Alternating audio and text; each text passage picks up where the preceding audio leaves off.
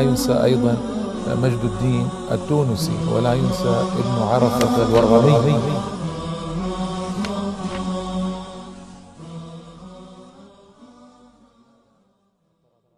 بسم الله الرحمن الرحيم. حمدا لله وصلاة وسلاما على سيدنا رسول الله وعلى آله وصحبه من والاه. أما بعد الإخوة والأخوات السلام عليكم ورحمة الله تعالى وبركاته.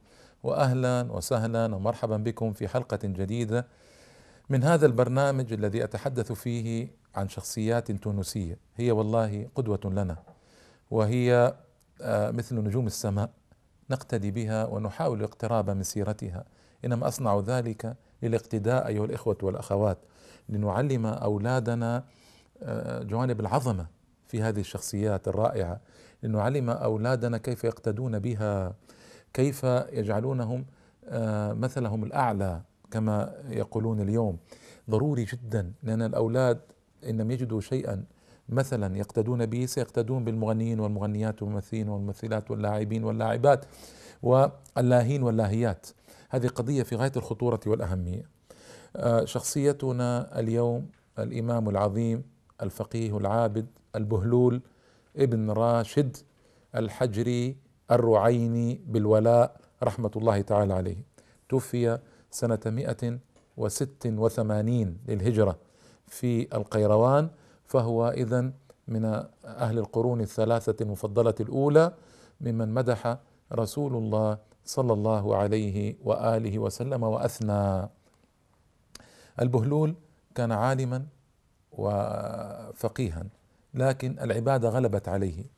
وذكر الله تعالى استولى عليه رحمة الله تعالى عليه وهكذا العلماء العاملون يكون لهم فضل كبير وعلم غزير لكن العبادة قد تغلب على بعضهم فينقطعون للتعبد ولا يعرفون يعني بالعلم وتدريس العلم. دخل اليه دخل عليه رجل اسمه معتب ابن رباح صاحبه وكان ذاهبا إلى الحج. قال إلى أين يا معتب؟ قال إلى الحج. قال أما كنت حججت يا معتب؟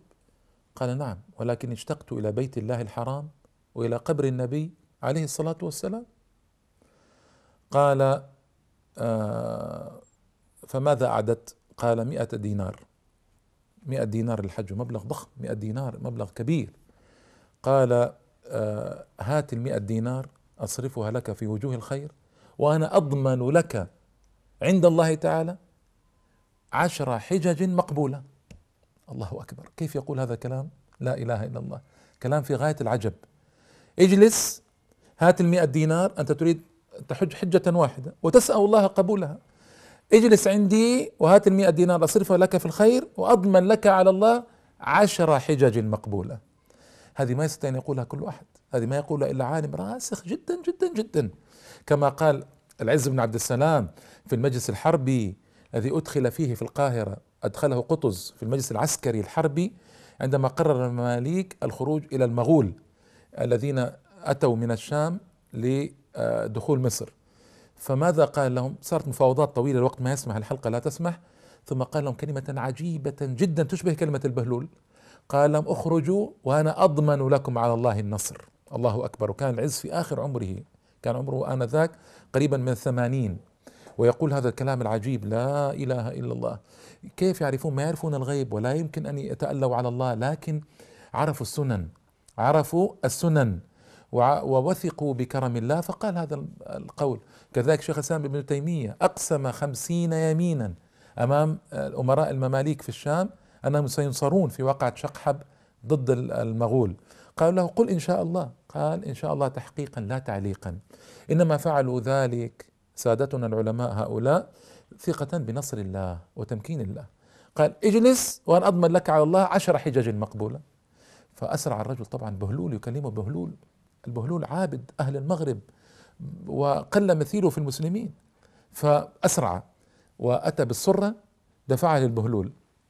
البهلول صب المئة دينار تحت الفراش. فصار يدخل إليه المحتاجون.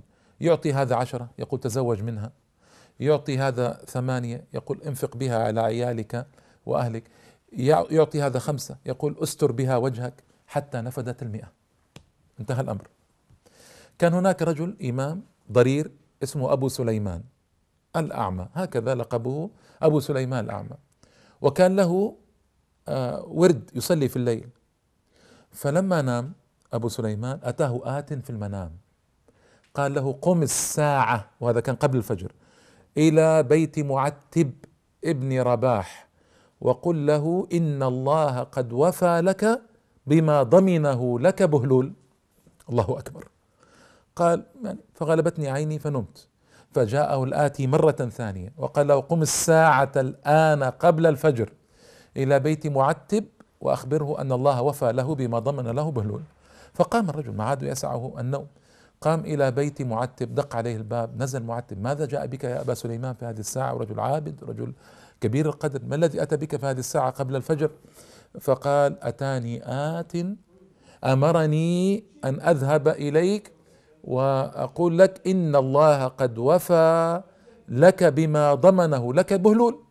وفى لك. لا إله إلا الله. قصة رائعة جدا. قصة ثانية مهمة. تبين منزلة الرجل في الدعوة إلى الله. لأن العالم داعية إلى الله. والعالم الذي لا يعمل بعلمه علمه آه، ناقص. العامل إذا عمل بعلمه تم علمه تم له علمه. كان له صاحب تلميذ يعني يأتي في المجلس ويدرس عليه وكذا. هذا الصاحب أخذته المجانة. المجانة يعني المجون. صار ماجنا يعني. صار مع أهل الأغاني وأهل الملاهي وكذا. فأصحابه أخبروه فحزن البهلول حزن على الشاب يعني أنه يعني ضاع بهذه الطريقة. فرأوه مرة وقد أخفى الطنبور تحت ملابسه ومر على مجلس بهلول. الطنبور يعني العود العود.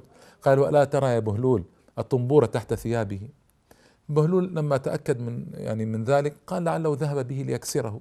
يعني انظروا كيف لطف الرجل وترفقه بالناس.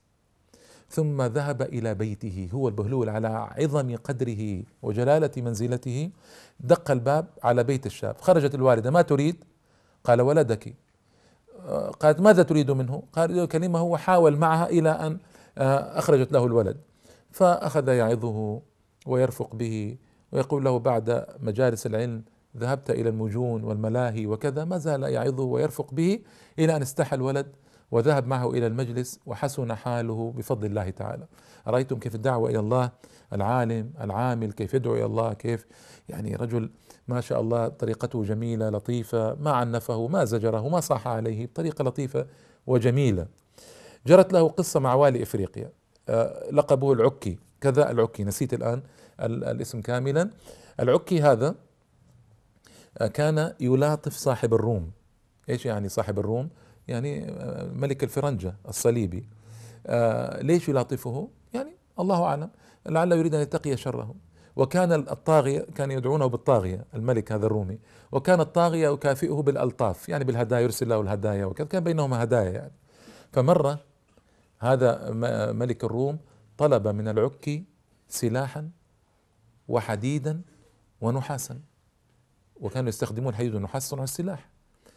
فطبعا باتفاق المسلمين لا يجوز أن يعطي المسلم أن يعطي الكافر ما يستعين به على قتاله. باتفاق المسلمين هذا ما يجوز. هذا يخدش عقيدة الولاء والبراء. هذا فعل لا يجوز أبدا. فأراد العكي أن يبعث إليه بما طلب من سلاح وحديد ونحاس. فرأى البهلول أنه لا يسعه السكوت. هنا وصل درجة لابد أن يتكلم. فذهب إلى الوالي ووالي إفريقيا. حاكم البلد. ووعظه ولامه فيما أراد الصنيع فيما أراد صنيعه وشدد عليه وحرج ضيق عليه يعني. فلما رأى العكي ذلك أمر بضربه. أن يضرب البهلول قصة هائلة. فلما أخذ ليضرب اجتمع الناس وتحاشدوا ليمنعوا ضربه. غاض ذلك الوالي أكثر. أخرج جنود ليفرقوا الناس. وأمر به أن يضرب. فأكب بعض الناس بأنفسهم على البهلول حتى لا يضرب. لأن رجل عظيم القدر جليل المنزلة كيف يضرب مثل البهلول فالمهم ضرب أصواتا لم تبلغ العشرين. لم تبلغ العشرين. وهو يمد يده في العقالين عقالين يعني اللذين يمسكان باليد من أجل الضرب. وهو يمد يده قال إن هذا من البلاء الذي ما سألت الله تعالى منه العافية. وقال لي ثلاثون سنة. أقول في أذكار الصباح وأذكار المساء بسم الله الذي لا يضر مع اسمه شيء في الأرض ولا في السماء وهو السميع العليم. لأن النبي صلى الله عليه وسلم قال ما من عبد مسلم يقول في صباح كل يوم ومساء كل ليلة بسم الله الذي لا يضر مع اسمه شيء في الأرض ولا في السماء وهو السميع العليم ثلاث مرات فيضره شيء ولا شيء ما يضرك. كفاءة يعني شيء عجيب. كفالة نبوية بتحقيق إلهي رائع. ويقول لي ثلاثون سنة أقولها. يوم العكي نسيتها. ما قلتها فابتليت بما ابتليت به. فضربه أصواتا دون العشرين. هنا برئ الرجل من كل الأصوات هذه بعد مدة. بقي صوت واحد. أثره جرح دم دم. نغل الجرح. نغل يعني فسد. إيش معنى فسد الجرح؟ يعني ما يسميه اليوم بالغرغرينة يعني التهب العظام التهبت العظام وأصابته الغرغرينة فمات منها شهيدا رحمة الله تعالى عليه. مات من أثر الصوت لما نغل جسده من أثر الصوت فمات رحمة الله تعالى عليه. الشاهد هنا الذي أريد أن أذكره لكم أنه قبل أن يموت دخل عليه كان عنده عبد الله بن فروخ. ذكرت لكم قصته الفارسي قصة رائعة في حلقة ماضية. بكى أمامه عبد الله بن فروخ. قال ما لك يا عبد الله يا أبا محمد؟ قال أبكي على ظهر على ظهر ضرب بغير وجه حق. قال يا أبا محمد قضاء وقدر. الله أكبر. انظر للتسليم. تسليم أئمتنا وعلمائنا ومشايخنا رحمة الله تعالى. قال يا أبا محمد قضاء وقدر. ثم قال عبد الله بن فروخ وأنا عنده جاء إليه رسول من العكي بصرة فيها يعني دراهم وكسوة. يسترضيه العكي ندم العكي يسترضيه. فأبى ورد ذلك. ما ما قبلها. فلما آه، عاد الرسول العكي أمره أن يعود إليه وأن يخبره أو أن يطلب منه أن يجعله في حل، يعني إيش يجعله في حل؟ يعني أن يسامحه بما صنع. فرجع الرسول وقال له يقول لك العكي اجعلني في حل. يعني سامحني. قال والله ما حللت أو ما حلت يدي من العقالين إلا جعلته في حل. الله أكبر. رجل يضرب بغير حق. عشرين صوتا. ورجل جليل القدر والمنزلة في المجتمع رجل عابد رجل عالم فقيه أهل تونس وعالمها يضرب على هذا الوجه ويهان في المجلس. ثم إنه ما إن فك فكوا يد يديه إلا وسامحه. في نفسه سامحه. سبحان الله العظيم. نفوس رائعة. نفوس جميلة. لأبعد درجات. يعني الواحد يحاول أن يكون مثلهم يصعب عليه. يصعب عليه أن يكون مثل هؤلاء الناس في جلالة نفوسهم ورفعة قدرهم رحمة الله عليهم. فلما وصل الخبر إلى العكي اغتم وندم اغتم وندم على أنه ضربه. كيف يضرب رجل مثل هذا؟ لما وصل الخبر إلى الجنو إلى جنود تونسيين كانوا مع الخليفة في غزوة خليفة العباسي. وكان الخليفة يقضي لجنده وكانوا اثني عشر ألفا يقضي لجنده كل يوم حاجتين. فاتفق الجند التونسيون أن يجعلوا حوائجهم كلها في نصرة البهلول البهلول. ما يريدون أي شيء. والمصلم أن البهلول قد ضرب غضبوا. وقالوا حاجتنا نصرة البهلول. ما نريد مالا ولا نريد هدايا ولا نريد شيئا من الخليفة.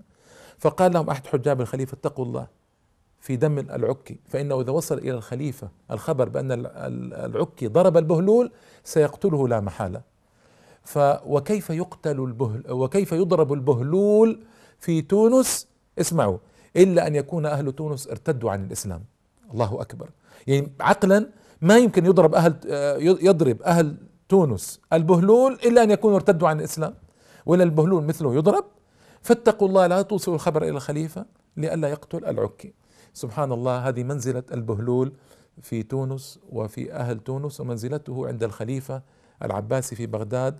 رجل عالم رجل صالح رجل كبير القدر توفي رحمة الله تعالى عليه سعيدا شهيدا سنة مئة وست وثمانين في القيروان.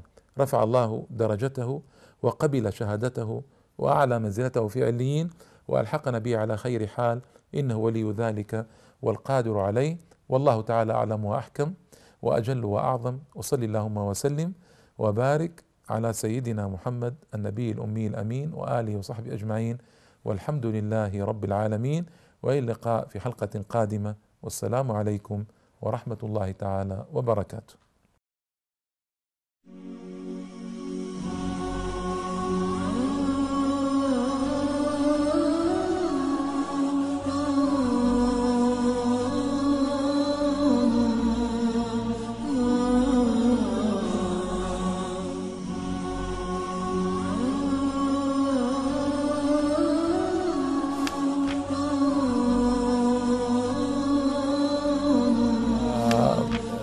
ينسى أيضا مجد الدين التونسي ولا ينسى ابن عرفة الورغمي